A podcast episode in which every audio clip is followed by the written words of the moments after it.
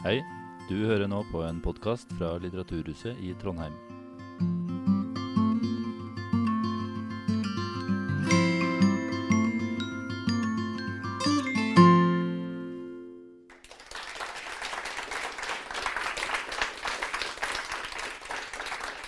Hei eh, og velkommen hit til denne diskusjonen om rasisme og eh, rasistisk retorikk i regi av Litteraturhuset i Trondheim.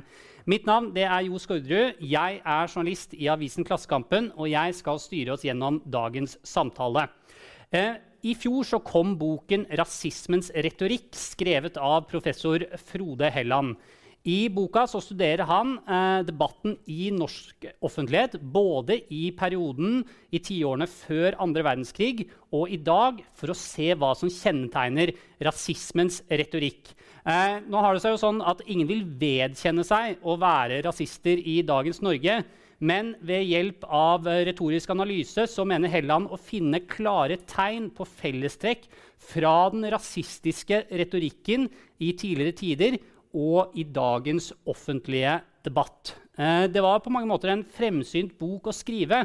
For etter at boka kom ut, så har debatten om rasisme i Norge kommet høyere opp på agendaen som følge av drapet på George Floyd og Black Lives Matter-bevegelsen i USA. Men en annen debatt som også har kommet høyere på agendaen, er debatten om debatten om rasisme. Fordi eh, flere er nå bekymret for at rasismeanklager er blitt et våpen i en importert kulturkrig, hvor ytringsfrihet og muligheten til å ha en åpen offentlig samtale om vanskelige temaer er ofrene. I dag skal vi bl.a. snakke om hvor stort problem er rasisme egentlig i Norge. Hva er rasistisk retorikk? Kan vi skape et mer inkluderende samfunn ved å avsløre den? Eller er begrepet rasisme i ferd med å bli ødelagt gjennom overdrivelser og mistenkeliggjøring? Og hva er egentlig den beste måten å bekjempe rasisme på? For å diskutere dette så har vi fått to gjester. Det er altså da professor Frode Helland, som er professor i nordisk litteratur ved Universitetet i Oslo, og forfatter av boka 'Rasismens retorikk'. Så har vi Espen Goffeng. Han er vert for podkasten Goffeng på leting og forfatter av boka 'Vikeplikt for Høyre'. En, og da siterer jeg fra bokens nettside. Kranglete, påståelig, ubalansert bok om hvordan venstresiden har gått seg vill i møte med vanskelige debatter om religion, kvinnekamp og innvandring. Eh, og jeg tror jeg har lyst til å starte eh, med et kort åpningsspørsmål. Vi kan kanskje starte med deg, da, Frode. Er rasisme et stort problem i dagens Norge? Um, ja, det vil jeg si at det er.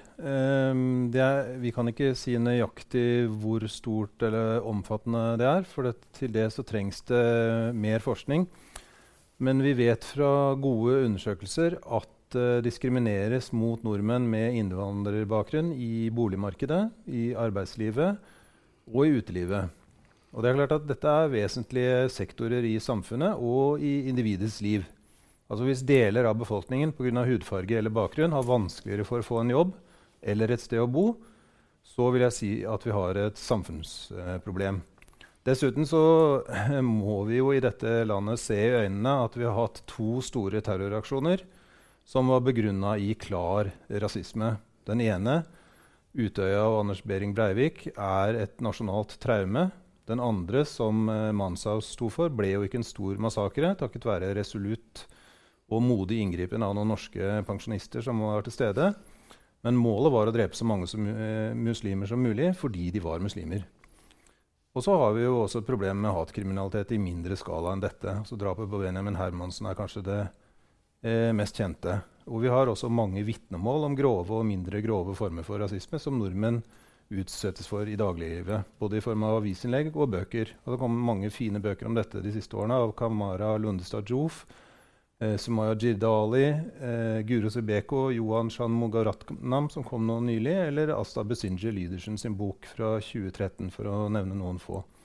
Altså, jeg kjenner heller ingen eh, nordmenn med synlig flerkulturell bakgrunn som ikke har noen fortellinger eh, om ubehagelige opplevelser med rasisme i Norge. Og dette tror jeg også vi kan se i eh, dagliglivet, hvis, i hvert fall hvis vi har eh, øynene åpne. Og det, og det gjelder også rasisme mot jøder, eller antisemittisme er heller dessverre ikke et, eh, noe som bare har historisk interesse. Altså Nylig så var det en stor jødisk høytid. Jeg bor i nærheten av synagogen i, i Oslo. Eh, og da var det høyreekstremister som stilte opp Mm. utenfor og delte ut antisemittisk materiale. Eh, mens de hadde sin religiøse feiring. Sånn at dette er en del av livet i Norge eh, som jeg syns vi må ta på alvor. Mm. Espen, hva tenker du? Rasisme er et stort problem i dagens samfunn? Ja, tenk om noen hadde svaret på det. Um, det kommer helt an på hva du tolker som rasisme, og hvem du hører på. Noen tror at det er mye mindre enn det er, og noen tror at det er mer enn det er. Og noen uh, bagatelliserer det med hensikt, og noen overdriver det med hensikt. Så den eneste måten jeg kan liksom vurdere det på, er å være komparativ. Uh, og se på andre samfunn med mennesker i, rett og slett. Se på resten av verden, se bakover i tid. Um, og sammenligne. Uh, og da, da er jo problemet lite. Uh, i, altså komparativt i forhold til hva som foregår rundt i verden, og hva som foregår tidligere. At det eksisterer, er det ikke noe tvil om. Men, uh, men akkurat hvor mye, det, det er det vi debatterer her. Jeg tror aldri vi kommer fram til akkurat Kanskje det fins et eller annet menneske et eller annet sted som treffer akkurat prikk.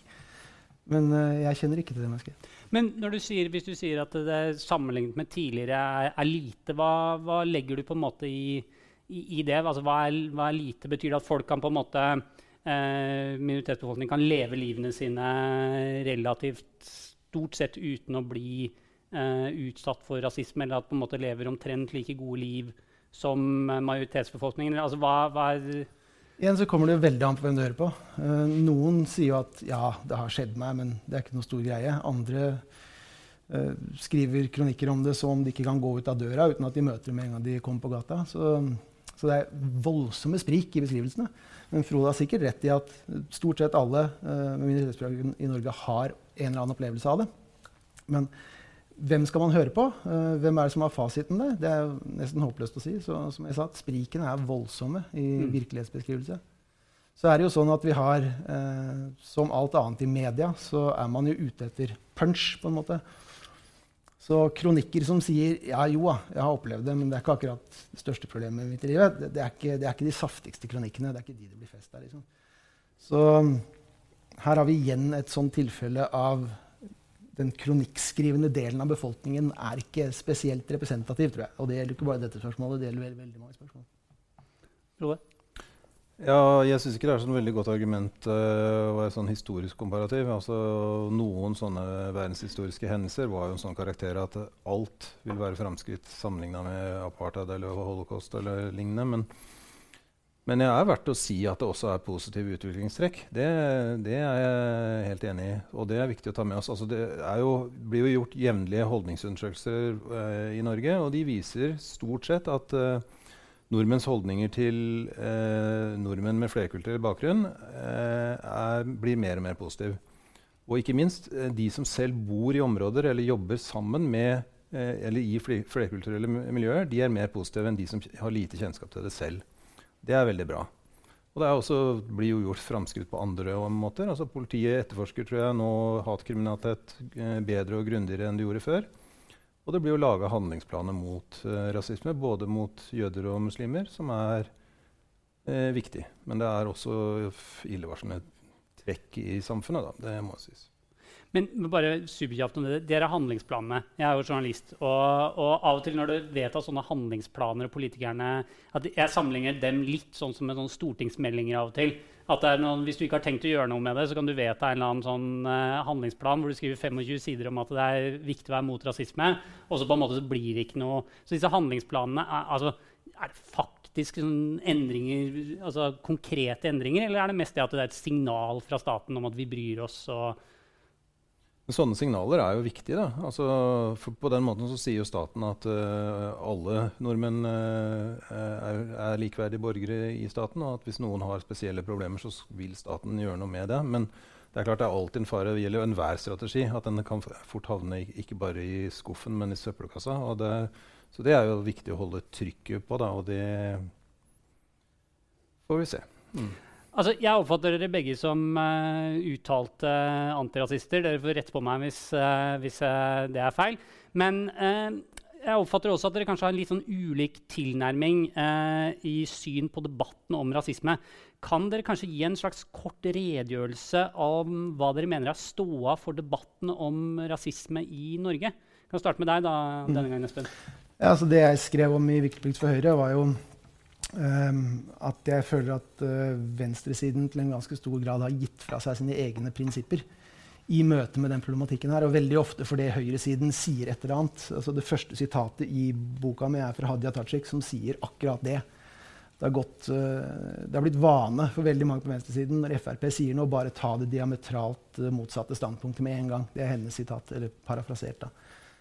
Um, og det, det, ser jeg veldig ofte. Uh, så det er, uh, det er, en del sånne ting. For så argumenterer jeg for at det er venstresiden som har gitt oss ytringsfriheten vår. I, I, kamper med, med geistlig makt, med kongemakt, med pengemakt. Det er venstresida som har slåss fram det noen som har sittet i fengsel for brudd på, på tale, så er det jo folk på venstresida stort sett. Og nå er det ikke noe særlig tvil om at det er der det skal innskrenkes. Det er der det nå man utvider rasismeparagrafer for, eksempel, for å inkludere mer og mer av det andre ville kalle religionskritikk. Som jo er noe venstresiden har eid helt siden høyre og venstre liksom ble definert under den franske revolusjonen. Så, så, det er det som er mitt store frustrasjonsmoment her. Hvor fort disse tingene har snudd. Uh, kvinnekamp. ikke sant? Det er venstresiden som brant bh-er. Og nå er det venstresiden som feirer hijaben. Som er et mye mer konservativt plagg enn BH-en var når den ble brent liksom, på 70-tallet. Men Syns du det er riktig å si at venstresida feirer hijaben? Er det ikke mer korrekt å si at venstresida aksepter, altså aksepterer at folk bruker hijab?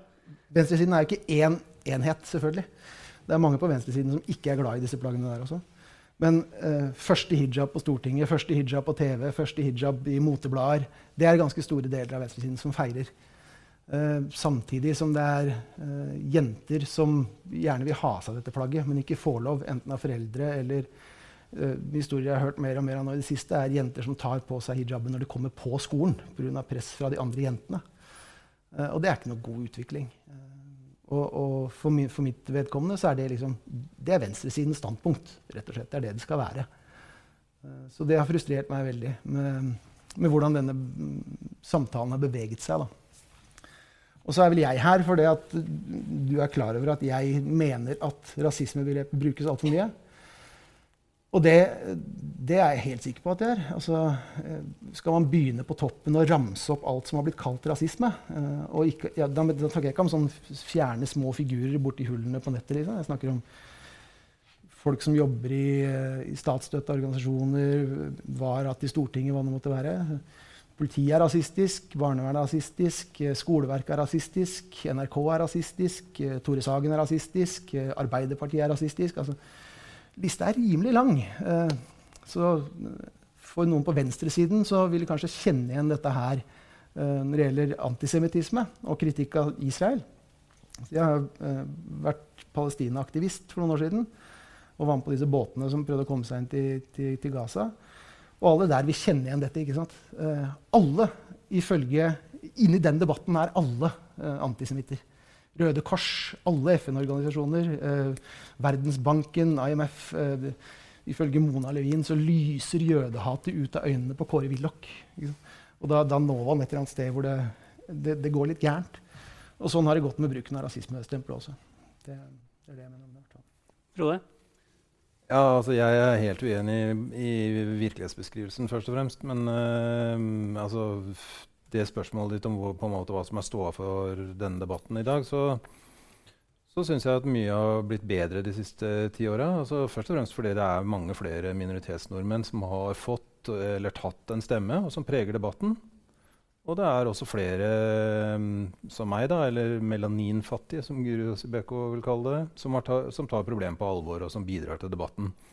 Og vi så det i de store demonstrasjonene i våres i forbindelse med Black Lives Matter, som, uh, der mange tusen trossa pandemien og gikk ut for å vise solidaritet og protestere mot rasisme. Som jeg syns er fint.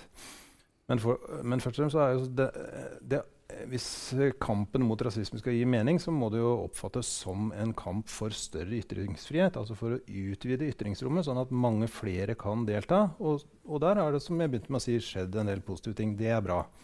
Men jeg syns allikevel det er litt nedslående å se hvor kraftig det mobiliseres på en måte fra forskjellige typer eh, motkrefter. Da, altså de som ikke vil at det skal snakkes om rasisme. Og da får du altså mulig sånn neglisjering, latterliggjøring, utdriting. Eh, forskjellige former for bevisst forvrengning. At man prøver å snakke om noe annet i stedet. Avsporer debatten.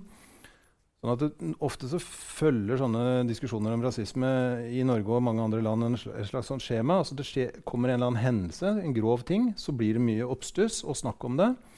Og mange står fram, og det blir også godt i, mottatt i begynnelsen. Og så setter disse motkreftene inn, og etter hvert så fisler det hele ut. Og konklusjonen ser altfor ofte ut til at det, mange tenker at det bare er noen få overfølsomme og lettkrenka personer som har et problem. Og det som skjer da, er at man legger problemet på dem. Og istedenfor å ta det eh, alvorlig som et problem i samfunnet. Altså deres erfaringer eh, blir neglisjert. Det kan uttrykkes på den måten at eh, alt kan diskuteres. Og det er klart at eh, rasisme er diskuterbart. Men mange aktører i disse diskusjonene har som mål at rasismen selv skal bli diskutabel. Altså at det er et spørsmål om det fins eller ikke, og det er synd. Og jeg håper ikke denne diskusjonen, som vel ennå ikke er helt over, men der man kan se tegn til at det går den veien, så jeg håper ikke den går akkurat samme som de foregående. da. Artig, artig at du syns det går den veien når jeg har stått her og snakka om at det fins og at det absolutt fins. Det er bare vanskelig å plassere akkurat hvor mye det er. Og så sier du at det går i retning av at jeg mener at det ikke er. Sånn jeg oppfatta det riktig? Jeg, jeg snakka ikke om deg nå. men altså hvis, Du hvis, andre. Hvis du eh, bidrar til å få problemet til å forsvinne ved å si at det har gått sånn inflasjon i begrepet at det har mista mening, da bidrar du til at nok, nok, en anledning til å diskutere rasisme eh, forsvinner i støy. Ehm, eller eh, forvirring, eller, eh, eller sånn bevisst eller ubevisst skapte stråmenn. Altså, ja, det, jeg, Sånn som du snakka om det nå, så syns jeg du bidrar til det. Det synes jeg. Men la oss prøve, å, la oss prøve å, å, motvirke forvirring da, ved å snakke om rasismedefinisjon. Altså fordi hva, hva, mener dere er La oss se om det, måte, dere kan bli enige om hva som er rasisme. Da. For I boka di Frode, så har du jo en, en, definisjon på rasisme. Kan du ekstremt kort for publikum eh, ta og redegjøre for den? Skal vi høre om det er en definisjon som du er enig i, Espen? Ja, altså sånn som jeg har definert i boka, og det jeg har jobba ut fra, da, det er at uh, rasisme enhetliggjør befolkningsgrupper. Reduserer dem til bestemte vesensmessige eller essensielle egenskaper av kulturell eller biologisk art slik at de implisitt eller eksplisitt blir forstått som mindreverdige, farlige og eller problematiske på måter som framstår som bortimot uforanderlige. Er du enig i den definisjonen, Espen? Ja, det er en ganske god definisjon. Mm. Det, er, det, er, jo mange av dem med små forskjeller. på en måte. Denne her er jo forholdsvis standard. Mm. Men la oss bare teste den opp mot litt sånn eh, dagsaktuelle debatter. For Nylig så var det f.eks.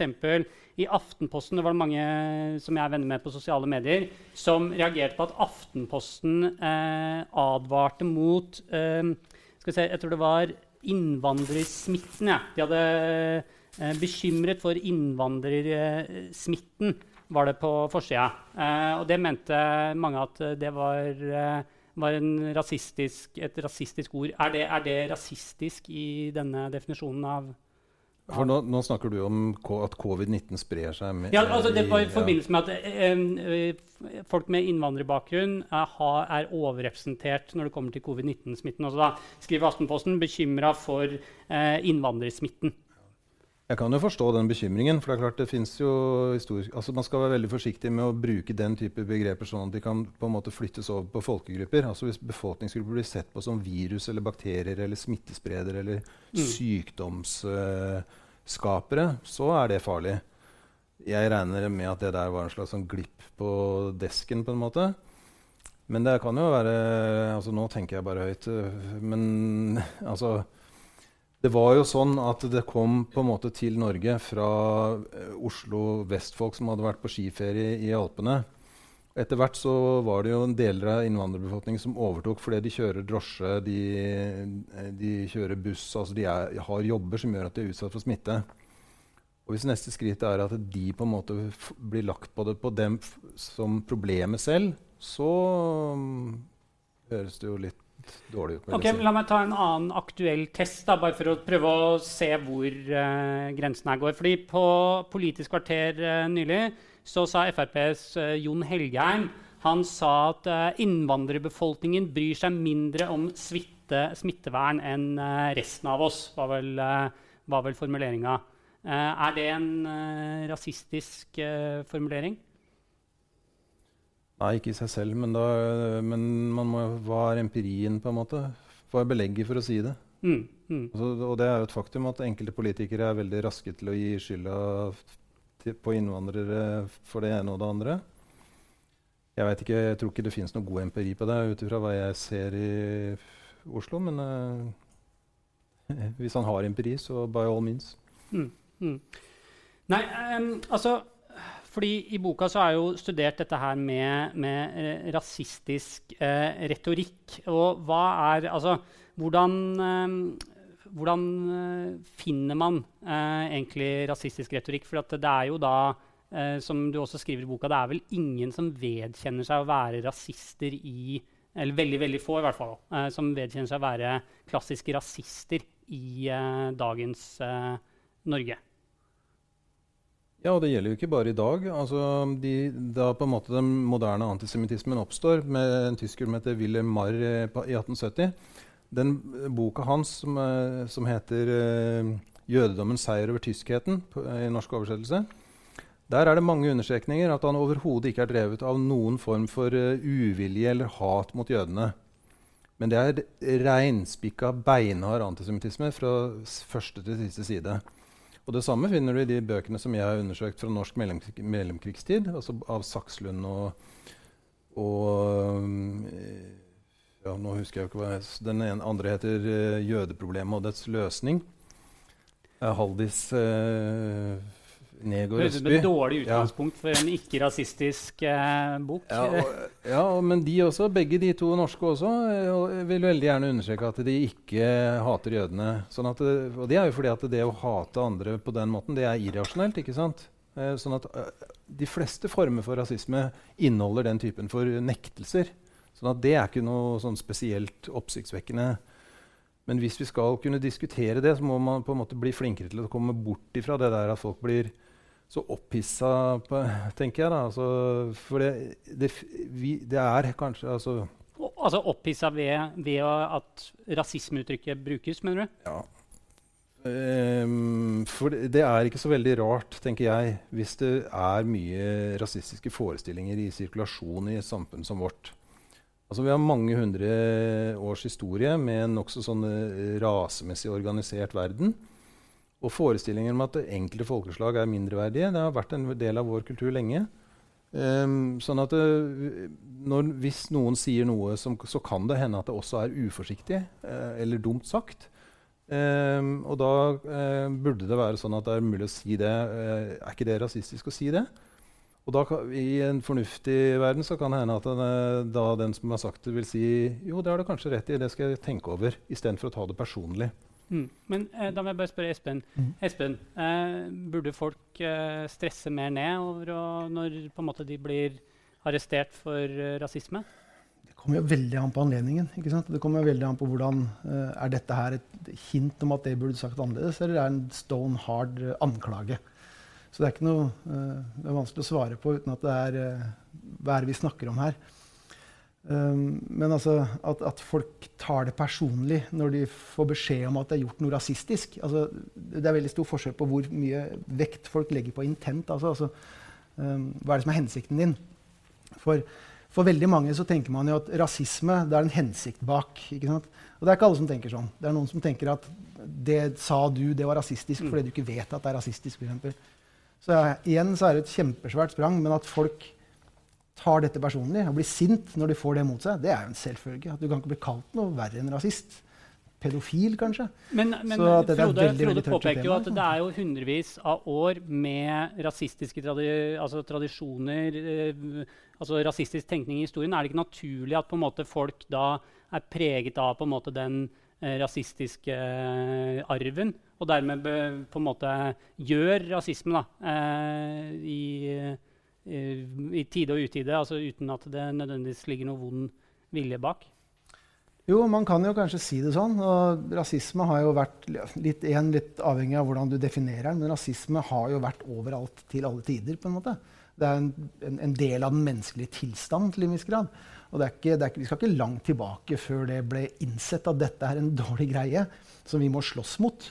Uh, og vi bor jo heldigvis i den delen av verden hvor dette har vært slåss mest mot, antageligvis.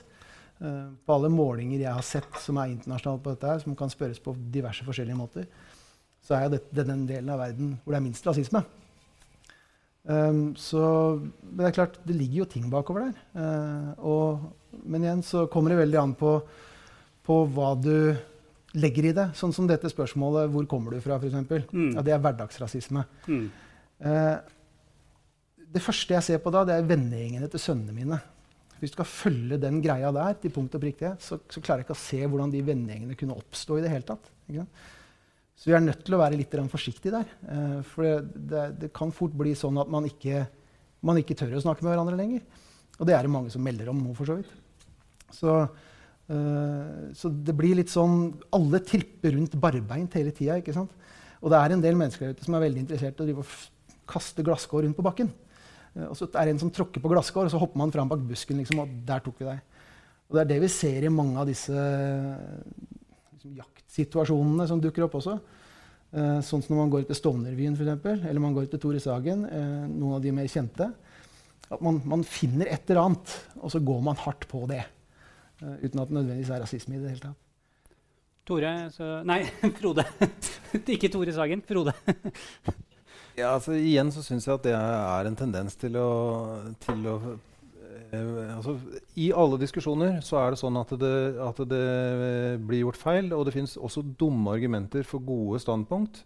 Eh, men, men uh, istedenfor å henge seg opp i det, så burde man prøve å, å, å i hvert fall innrømme og innse da, at uh, ja, det er et problem i, i norsk virkelighet. Og så kan vi diskutere det som faktisk er der. Altså, og det er litt sånn med den boka som jeg har skrevet òg. Altså, det overordna argumentet i den boka det, det, handler jo om norsk offentlighet. Altså det, det, det, finnes, det handler om å diskutere diskurser som er i, i, sirkulasjon i norsk offentlighet, både i mellomkrigstida og i dag, eh, som er helt klart eh, rasistisk prega. Og det er på en måte det overordna argumentet i boka. altså hvordan, hvordan, de er i sirkulasjon. Og om de øker eller minker, eller sånt, det kan man diskutere. og Det har jeg prøvd å liksom, si noe kvantitativt om når det gjelder eh, mellomkrigstida, men jeg har ikke klart å rigge en undersøkelse som kan gjøre det her og nå. Men men det, boka begynte jo med at jeg sjøl mente å oppleve at det var mer og mer sånn nokså dårlig tenkt ting som sto på trykk og ble sagt i mediene i Norge. Så, og, men for å vise det så må man jo ta eh, eksempler, da. ikke sant? Eh, og, og, i disse eksemplene så er det sånn at det, de jeg har brukt som eksempler, har jo også reagert forskjellig. da, ikke sant? Eh, et kapittel handler om det, det raseprogrammet i Hjernevask. Eh, Harald Eia og Ole Martin Ile de sa når boka kom, at uh, jeg hadde mye rett i det som sto. I, at uh, det programmet ble feil. Det innså det nå. Det var ikke sånn at de ga seg på alt. Men, men det er jo på en måte en, ja, det, det ble ikke riktig. Det er vi enig i. Mens andre blir rasende og bare benekter alt. Eh, samtidig som de gir belegg for eh, min analyse de, mens de forsvarer seg. Og andre eh, har bare sånn hets i ekkokamrene sine på Facebook som svar. Men, men sånn at eh, jeg syns at Eia og Ila skal ha kred for det. i hvert fall. Da, altså, ja, de sier det eh, er vi enig i, det ble feil. Og så kan vi diskutere detaljer rundt noe av det som har med the bell curve og sånn å gjøre. Det er en fornuftig det syns jeg var OK. Mm. Espen, du har jo lest boka. Syns du dette er en god tilnærming til å på en måte finne, finne rasisme? Nei, jeg syns ikke det. Jeg syns ikke boka gjør det på noen god måte heller. Og jeg har sett eksempler på det i denne samtalen allerede. For du sier en ting, og du sier det du mener, og du mener det du sier, og så blir det tolka verre enn det er. Ja? Sånn som i stad når du sa vi beveger oss i en retning. Jeg sa en ting, Idet man sier en ting, så har han ikke beveget seg i noen retning. Men du tillegger meg det at jeg beveger meg i den retningen. Og det har jeg ikke gjort. Og det syns jeg boka bærer veldig preg av. Og det, Kan du vise det, det, da? det, det, det, det kommer liksom ganske fort. I innledningen så er det snakk om man skal tolke tolkninger, og man skal finne tekstlige strategier. og det brukes uh, critical discourse studies. ikke sant? Og hvis man kjenner til litt i studiene, så vet man hva de går ut på. Um, og jeg syns man gir seg sjøl en sånn uh, rett til å være litt tankeleser. Og du har snakka om hjernevaskprogrammet. Jeg ligger og ser på det hjernevaskprogrammet samtidig som jeg leser boka. Og det er ganske stor forskjell på det jeg ser, og det jeg leser.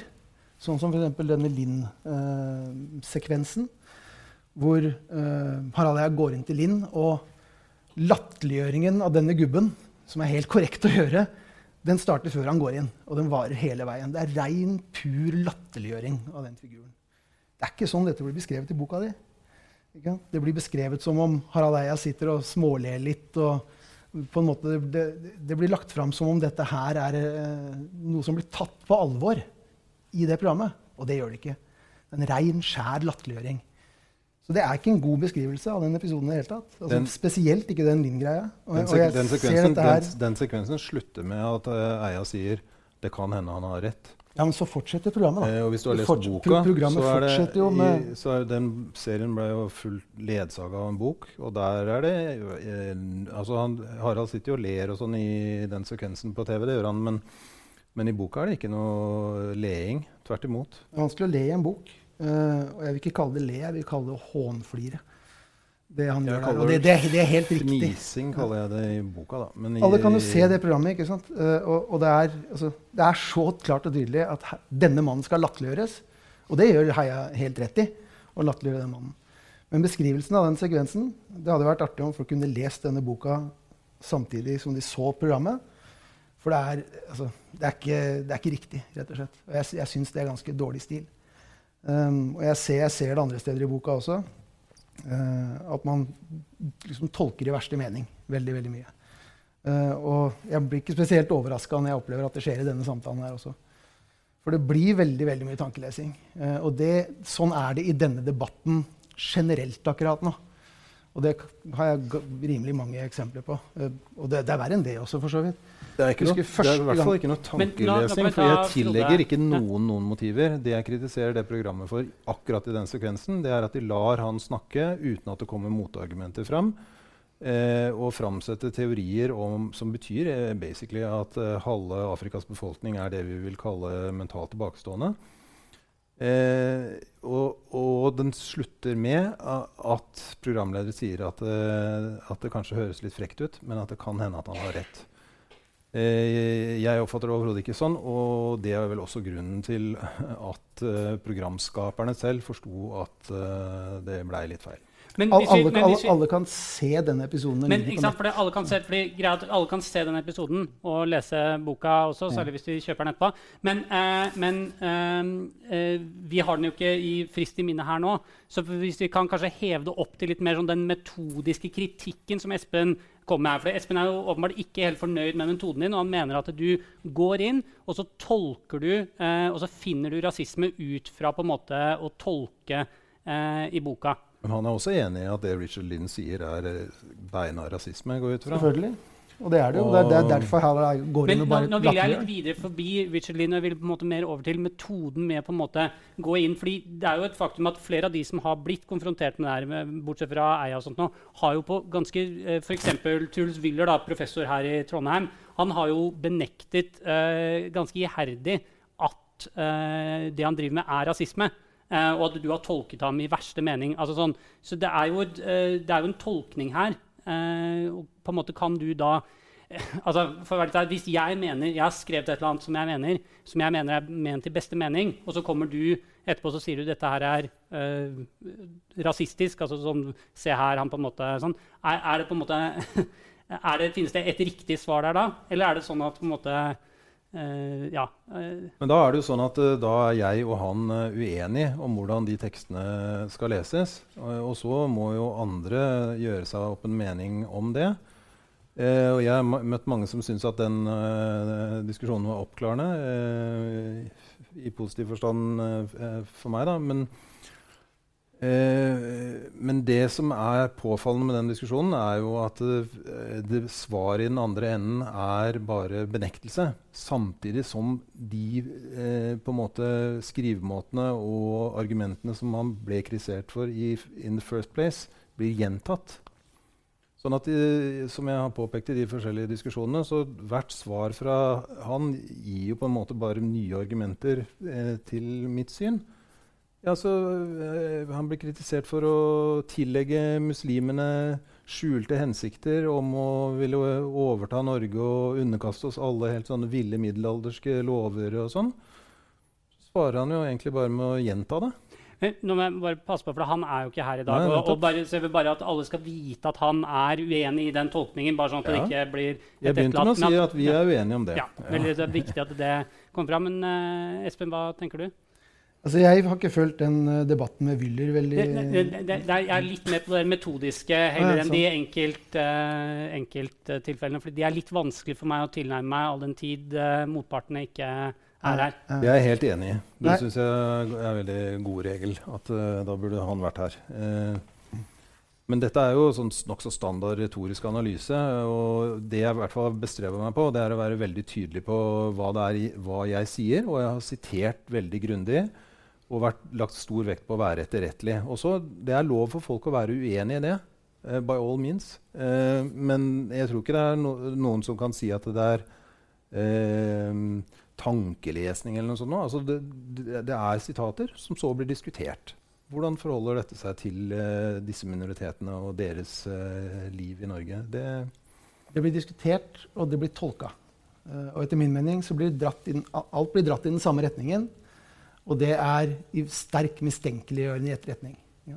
Uh, det blir veldig vanskelig å snakke om dette her hvis vi ikke skal snakke om de personene som er i boka. Jo, altså jeg, ikke, jeg, legger ikke ned noe forbud. jeg bare la oss ja, ikke på en måte... Sånn som f.eks. Kjetil Jålnes har en stor rolle i denne boka. her, ikke sant? Uh, og det er ikke sånn at, at, at, Helland er uenig med Kjetil Rollnes. Det er ikke sånn at Rollnes er uenig med Helland. Rollnes han bedriver en, en aktiv kampanje for å skape fiendskap mellom grupper. Liksom det som står i boka. Du, du, kan ikke tolke det så veldig mye verre enn det.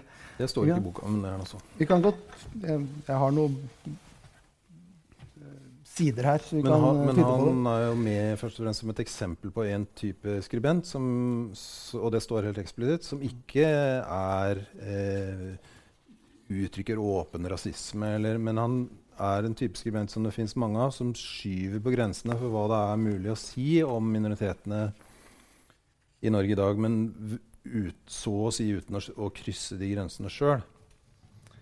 Altså, ja, ja, det, er også, det, også, det, er det de også, kaller, du kaller en slags entreprenør i, mm.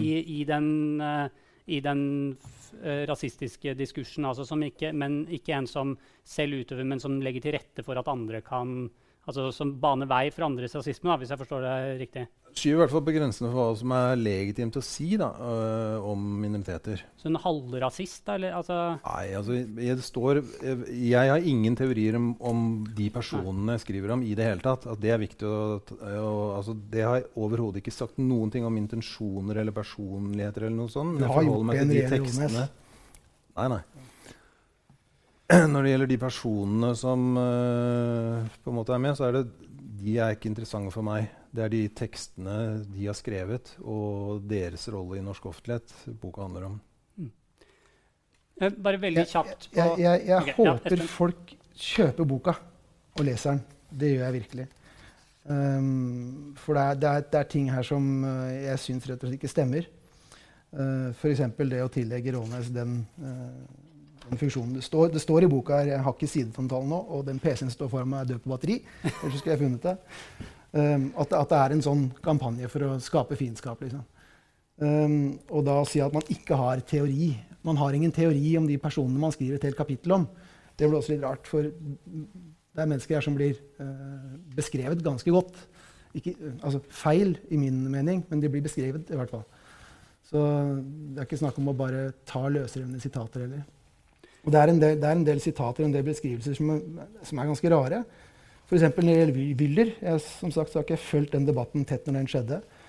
Men du skriver at Wyller eh, beskriver muslimer som en, en, helhetlig ting. Og så peker du til tekster der hvor Wyller gjør det motsatte. Ja, han beskriver f.eks. reformatorer innen islam. Og så snakker han om radikale grupper, og så snakker han om andre grupper. Det gjør han i de tekststykkene du viser til. Og så påstår du at han ser på muslimer som en helhetlig gruppe. Så det, det går liksom mot, mot, seg selv. Og det er ganske mye av sånt i denne boka her. Ja, eh, det er feil eh, etter min mening. Det, må i så fall på, påvises. Da. Men det som er eh, på et mer sånn Han er et eksempel på, på en måte å tenke om muslimer på som er i sirkulasjon i norsk offentlighet. Altså Der de blir sett på som en enhetlig gruppe. Og det begrepet som akkurat den skribenten bruker mest, det er begrepet mainstream islam. Altså det de fleste norske muslimer tror på. Eh, mainstream islam, eh, hevder han, står for eh, en, eh, et bevisst politisk ønske om å eh, overta landet og underlegge befolkningen eh, middelalderske straffemetoder. Og at, den, og at mainstream islam er inkompatibel med et vestlig eh, sekulært demokrati og er i strid med opplysningstidens idealer og den type ting. Eh, og det synes jeg at altså, I den grad den type forestillinger sirkulerer om en ganske stor norsk minoritet, så syns jeg det er illevarslende. Fordi det er å dehumanisere dem. altså Det er å gjøre dem til ikke eh, fullt ut autonome borgere. Espen? Ja, det er, det er noe der med, med, med, med styring utenfra og sånt, noe som, som jeg må, ikke har lest nok om denne debatten til å kunne si noe om. Mitt poeng var bare at uh, akkurat, akkurat, når det gjelder det som beskreves av Wyller, at, at, det blir sagt noe der som da vises at ikke er riktig mm. i teksten som står rett ved siden av. Um, og, og, det også syns jeg det, det hører ikke hjemme i en sånn bok. Ok, Dere er ganske uenige om, uh, om boka og, og, sånt noe. Men eh, la meg spørre. Denne eller dette verktøyet som, eh, som boka bruker, altså ved å finne rasisme, ved å tolke, tolke, rasistiske strukturer inn i samfunnsdebatten, er det et verktøy vi kan bruke for å bekjempe eller finne rasisme og lage et mer sånn inkluderende samfunn? Er det det som er tanken bak? At ved å på en måte, avsløre de rasistiske strukturene i, i um, samfunnsdebatten, så kan vi også på en måte komme oss forbi rasismen? Eller hva, hva er det som er målet? Altså, hvis man kan peke på rasistiske forestillinger og også retoriske strategier som er i bruk for å spre på en måte en slags sånn rasistiske forestillinger og fortolkningsrammer, så kan det være bra fordi det gjør kanskje samfunnsdebatten uh, skarpere. Da. At man ser problemet når det er, måte, er der rett foran øynene. Men jeg har overhodet ikke drevet med sånn leting etter uh, altså sånn, å være slags sånn uh, jakt på rasisme. Altså, og dessverre så er det sånn at det trengs heller ikke. For det er ikke så veldig vanskelig å, å se sånne ting i sirkulasjon. Uh, enten det gjelder i politikken eller i mediene eller andre steder. Det er veldig men, enkelt å finne hvis man vet man skal lete. Ja. Det er ikke noe tvil om det. Men, ja, men, men det fint men, vi er enige om det. Sånn, sånn, som jeg, sånn, som jeg, ser altså, Kritiske studier, det er jo, Da kunne vi prate i flere uker om, om, om, det og hvor du kommer fra, og alle de forskjellige avartene som fins nå. Kritiske hvithetsstudier, kritiske rasestudier.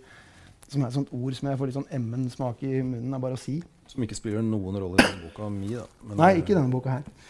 Um, uh, og det uh, men det er, det, er, det er, som du sier nå også. Du, du, du, skal, finne, du skal, finne, strategier. Det, så er, det er, sånn, Man kan ikke bare ta det en person skriver, og det er det som står, som er det den personen mener. Man må finne en strategi, man må finne noe enda skumlere bak. ikke sant? Man må finne retningen som samtalen vår går i, selv om den egentlig ikke har noen retning. Uh, så det er, en del sånne ting. og det det er mye av denne boka her. Um, og det er veldig veldig mye av det samtalen uh, generelt der ute. Det er veldig mye stråmannargumentasjon, veldig mye forvrengninger. Uh, og denne boka her, selv om jeg, jeg liker ikke hvordan det gjøres i denne boka, så er den ikke i nærheten av å være liksom, de ille tilfellene. For det er mye som er rett og slett bare blank løgn. Og det er ikke spesielt bra. Jeg, jeg, husker, jeg, husker, veldig godt første gangen det, det virkelig dukka opp. Står det noe der som er blank lønn? Var det det du sa? Nei, det var det jeg ikke sa at jeg ikke gjorde. Det var jeg sa at denne boka er ikke på langt nær sånn som, sånn som de verste tilfellene. Du snakker om noe annet? Ja. Nå snakker Jeg om noe annet. Jeg snakker om samtalen generelt. som Vi også, vi er jo meta her.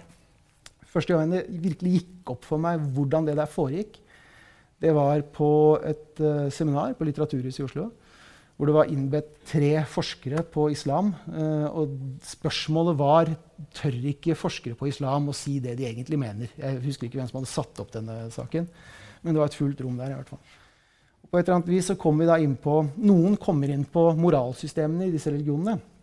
Eller i islam spesielt. Og kan dette tilpasses eh, våre moralske sånn som det fungerer nå?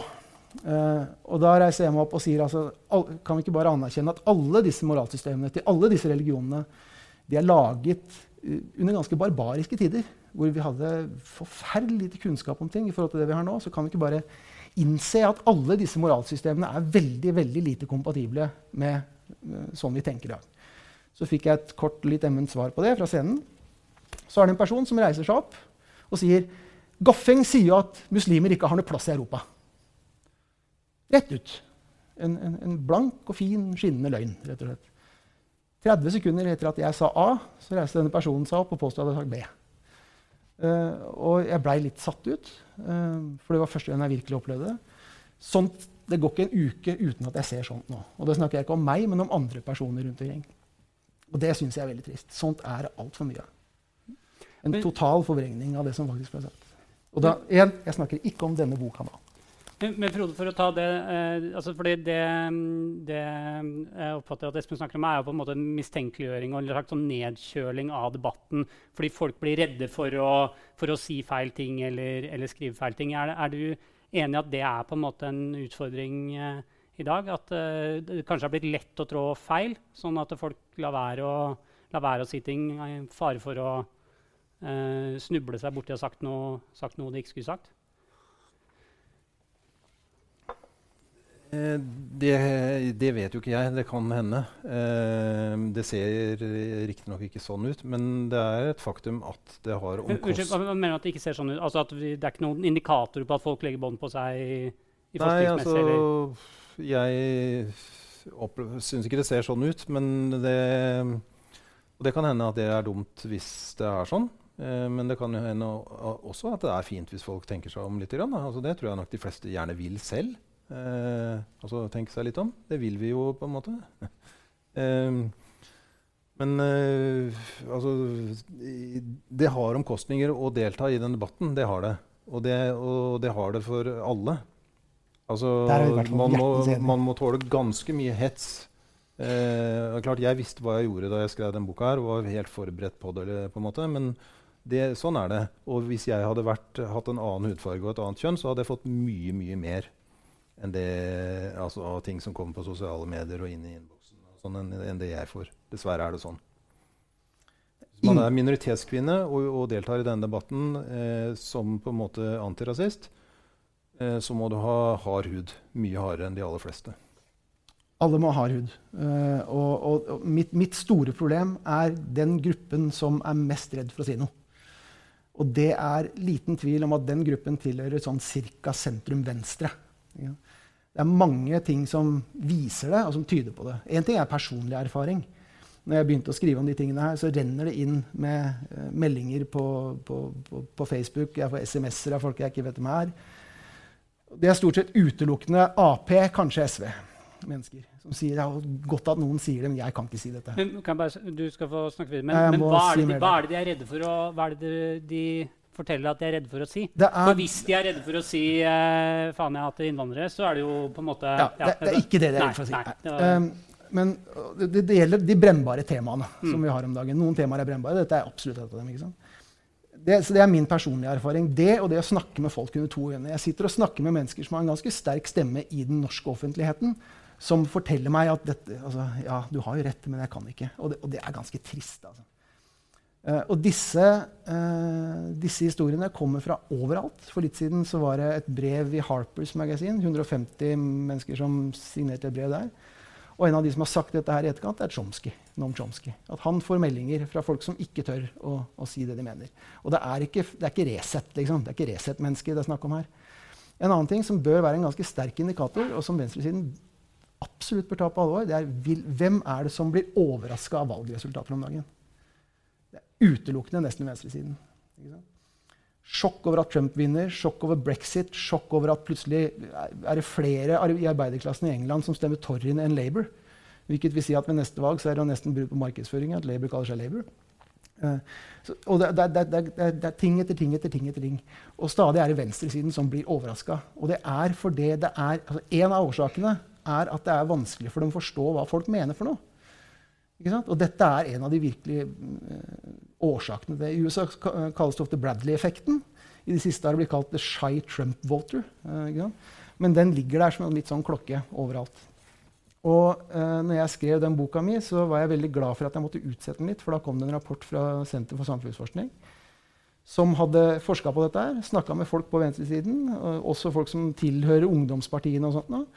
Og det er tydelig i den rapporten deres, som heter eh, 'Boundary Struggles', veldig tydelig at det er på venstresiden det er flest som holder munn. Og det er krise, for det er de vi trenger mest, ifølge meg. Mm. Og, og, og, det kommer av mistenkeliggjøringer, overdrivelser, sånne ting som det der. Mm.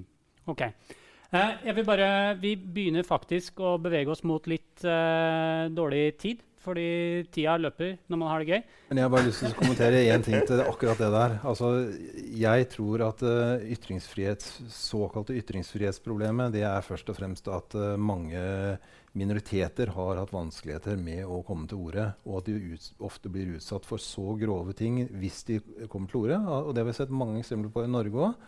At de blir sykemeldt. De må logge av. altså det er et problem. Sånn at det, og det antirasistiske arbeidet, eller hva man skal kalle det, eller aktivisme, eller hva det er, det må ha som mål å, å utvide meningsrommet. Ja. At flere stemmer må få komme med, ja. ikke færre. Men, men, bare for å spørre deg, da, er det et enten-eller-problem? For kan det ikke være sant at både eh, de minoritetsstemmene blir eh, møtt med hets, og at eh, folk som kommer med sine eh, Det de opplever selv i hvert fall som legitime på en måte bekymringer om innvandring, og sånt, nå opplever at de blir uh, beskyldt for rasisme når de gjør det. Og at du dermed har, ikke bare har at én side av debatten blir kjølt ned, men at du har nedkjøling på Eller folk blir skremt bort på begge sider av debatten. Eller kanskje ikke begge sider, men i hele debatten. De, de blir ikke skremt bort på sidene. Det er Nei. det som er problemet. De blir skremt bort i midten.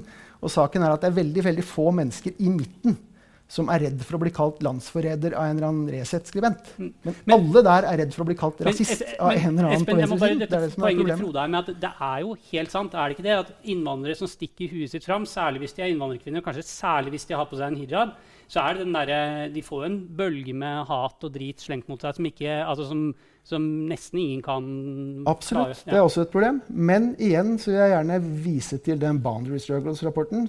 Det er det eneste jeg vet. De, for de forska på dette. De brukte fire år på å skrive den boka si. Og de eh, forska bl.a. på dette her. Hvem er det som blir utsatt for hets, eh, og av hvem, og på hvilke måter. Og disse forskjellene på alle de forskjellige gruppene de er veldig små overraskende små. Uh, igjen så, så, så, så, gir ikke kronikkskriverdelen av befolkningen et godt bilde på det. Så akkurat den delen av den rapporten der, den overraska meg, og den, uh, den bør flere titte på. Jeg har, et, jeg har, lyst til å stille ett spørsmål før vi er nødt til å runde av her. Og det jeg lurer på, er uh, rett og slett um, en, Siden boka di kom ut, Frode, så har vi jo fått, fikk vi jo drapet på George Floyd i USA eh, som ga Black Lives Matter-bevegelsen, som ga kjempestore demonstrasjoner her hjemme i Norge, og også at mange folk skrev eh, inn til avisene, og altså at debatten ble ekstremt eh, aktuell og løfta fram. Det jeg lurer litt på, er hvordan påvirker eh, rasismedebatten i USA debatten i Norge? Noe, har dere noen tanker der? Det, Espen har sikkert konspirasjonsteorier om det, men uh, Selvfølgelig må det være det. Ja. ja. altså, jeg vet ikke, Hvis det er en konspirasjonsteori å si at den amerikanske debatten påvirker Norge veldig mye ja, altså da, si, det, det, er greit, si det, altså, da kan du kalle meg konspirasjonsteori. Det er, en det er på en måte en ting som dukker opp i debatten ofte. er jo på en måte at, sånn, at vi importerer, eller altså, at vi importerer debatten fra USA, så, mens andre sier på en måte at vi frigjøres, altså at de brøyter vei. da, altså, Men uansett om, vi, om det brøyter vei eller ikke, ikke, så importerer vi den fra USA. Noen vil tro at det er positivt, og noen vil si at det er negativt. Men at vi importerer den fra USA, det er det ingen tvil om. Eh, akkurat eh, disse Black Lives Matter-protestene i Norge kommer som en eh, respons på én hendelse. Altså, du kan si at det ligger og koker, og så er det den ene hendelsen i USA som tenner det her. Og det er en import. Det er ikke noe tvil om det. Og når det gjelder alle disse teoriene også om, altså, Det er USA jeg har undervist om på Blindern, så er, jeg følger jo det landet ganske mye mer enn de fleste andre land. Og jeg ser jo ord som begynner å brukes i USA, og beskrivelser på ting som dukker opp her i Norge to år etterpå. Jeg, jeg sitter og ser på at det skjer. Uh, og, så, så, ja, vi importerte i veldig stor grad fra USA. Frode, helt til slutt. Vi er påvirka av USA. Altså, Norge er et ekstremt USA-påvirka land. Det er heva over tvil. Men på godt men, eller vondt? Men, uh, men, akkurat når det gjelder Black Lives Matter, så, så ser jeg på det som et uh, utslag av en positiv form for internasjonal solidaritet. Og det jeg likte med de demonstrasjonene og det som ble skrevet om det i, i Norge da det skjedde i, i, våres, det var at det var vinkla mot norske forhold. Og det var norske, eh, mye ungdommer av alle mulige avskygninger som demonstrerte, og det var retta inn mot et norsk her og nå, men selvfølgelig inspirert av noe som skjedde ikke bare i USA, men globalt. Eh, og det tenker jeg må være fint. Og det er et ekstremt dårlig argument å si at det er importert og derfor dårlig. Jeg har ikke sagt, jeg har ikke sagt det, jeg. For det er i hvert fall et dårlig argument. Ja. Jeg sa da, at det er importert, og så kan man da, si om det er negativt eller positivt. Må, uh, må jeg rett og slett uh, si tusen takk for debatten. Dette var så langt vi kom i dag. Jeg tror ikke vi er uh, blitt 100% enige ennå. Da sier jeg tusen takk til Frode Helland, som altså er professor i nordisk litteratur og forfatter av boken 'Rasismens retorikk', og Espen Goffeng, vert for podkasten 'Goffeng på leting' og forfatter av boka 'Vikeplikt for Høyre'. Og så håper vi her på Litteraturhuset i Trondheim at folk går hjem og kjøper begge bøkene, og så kan vi fortsette debatten seinere. Takk for i kveld.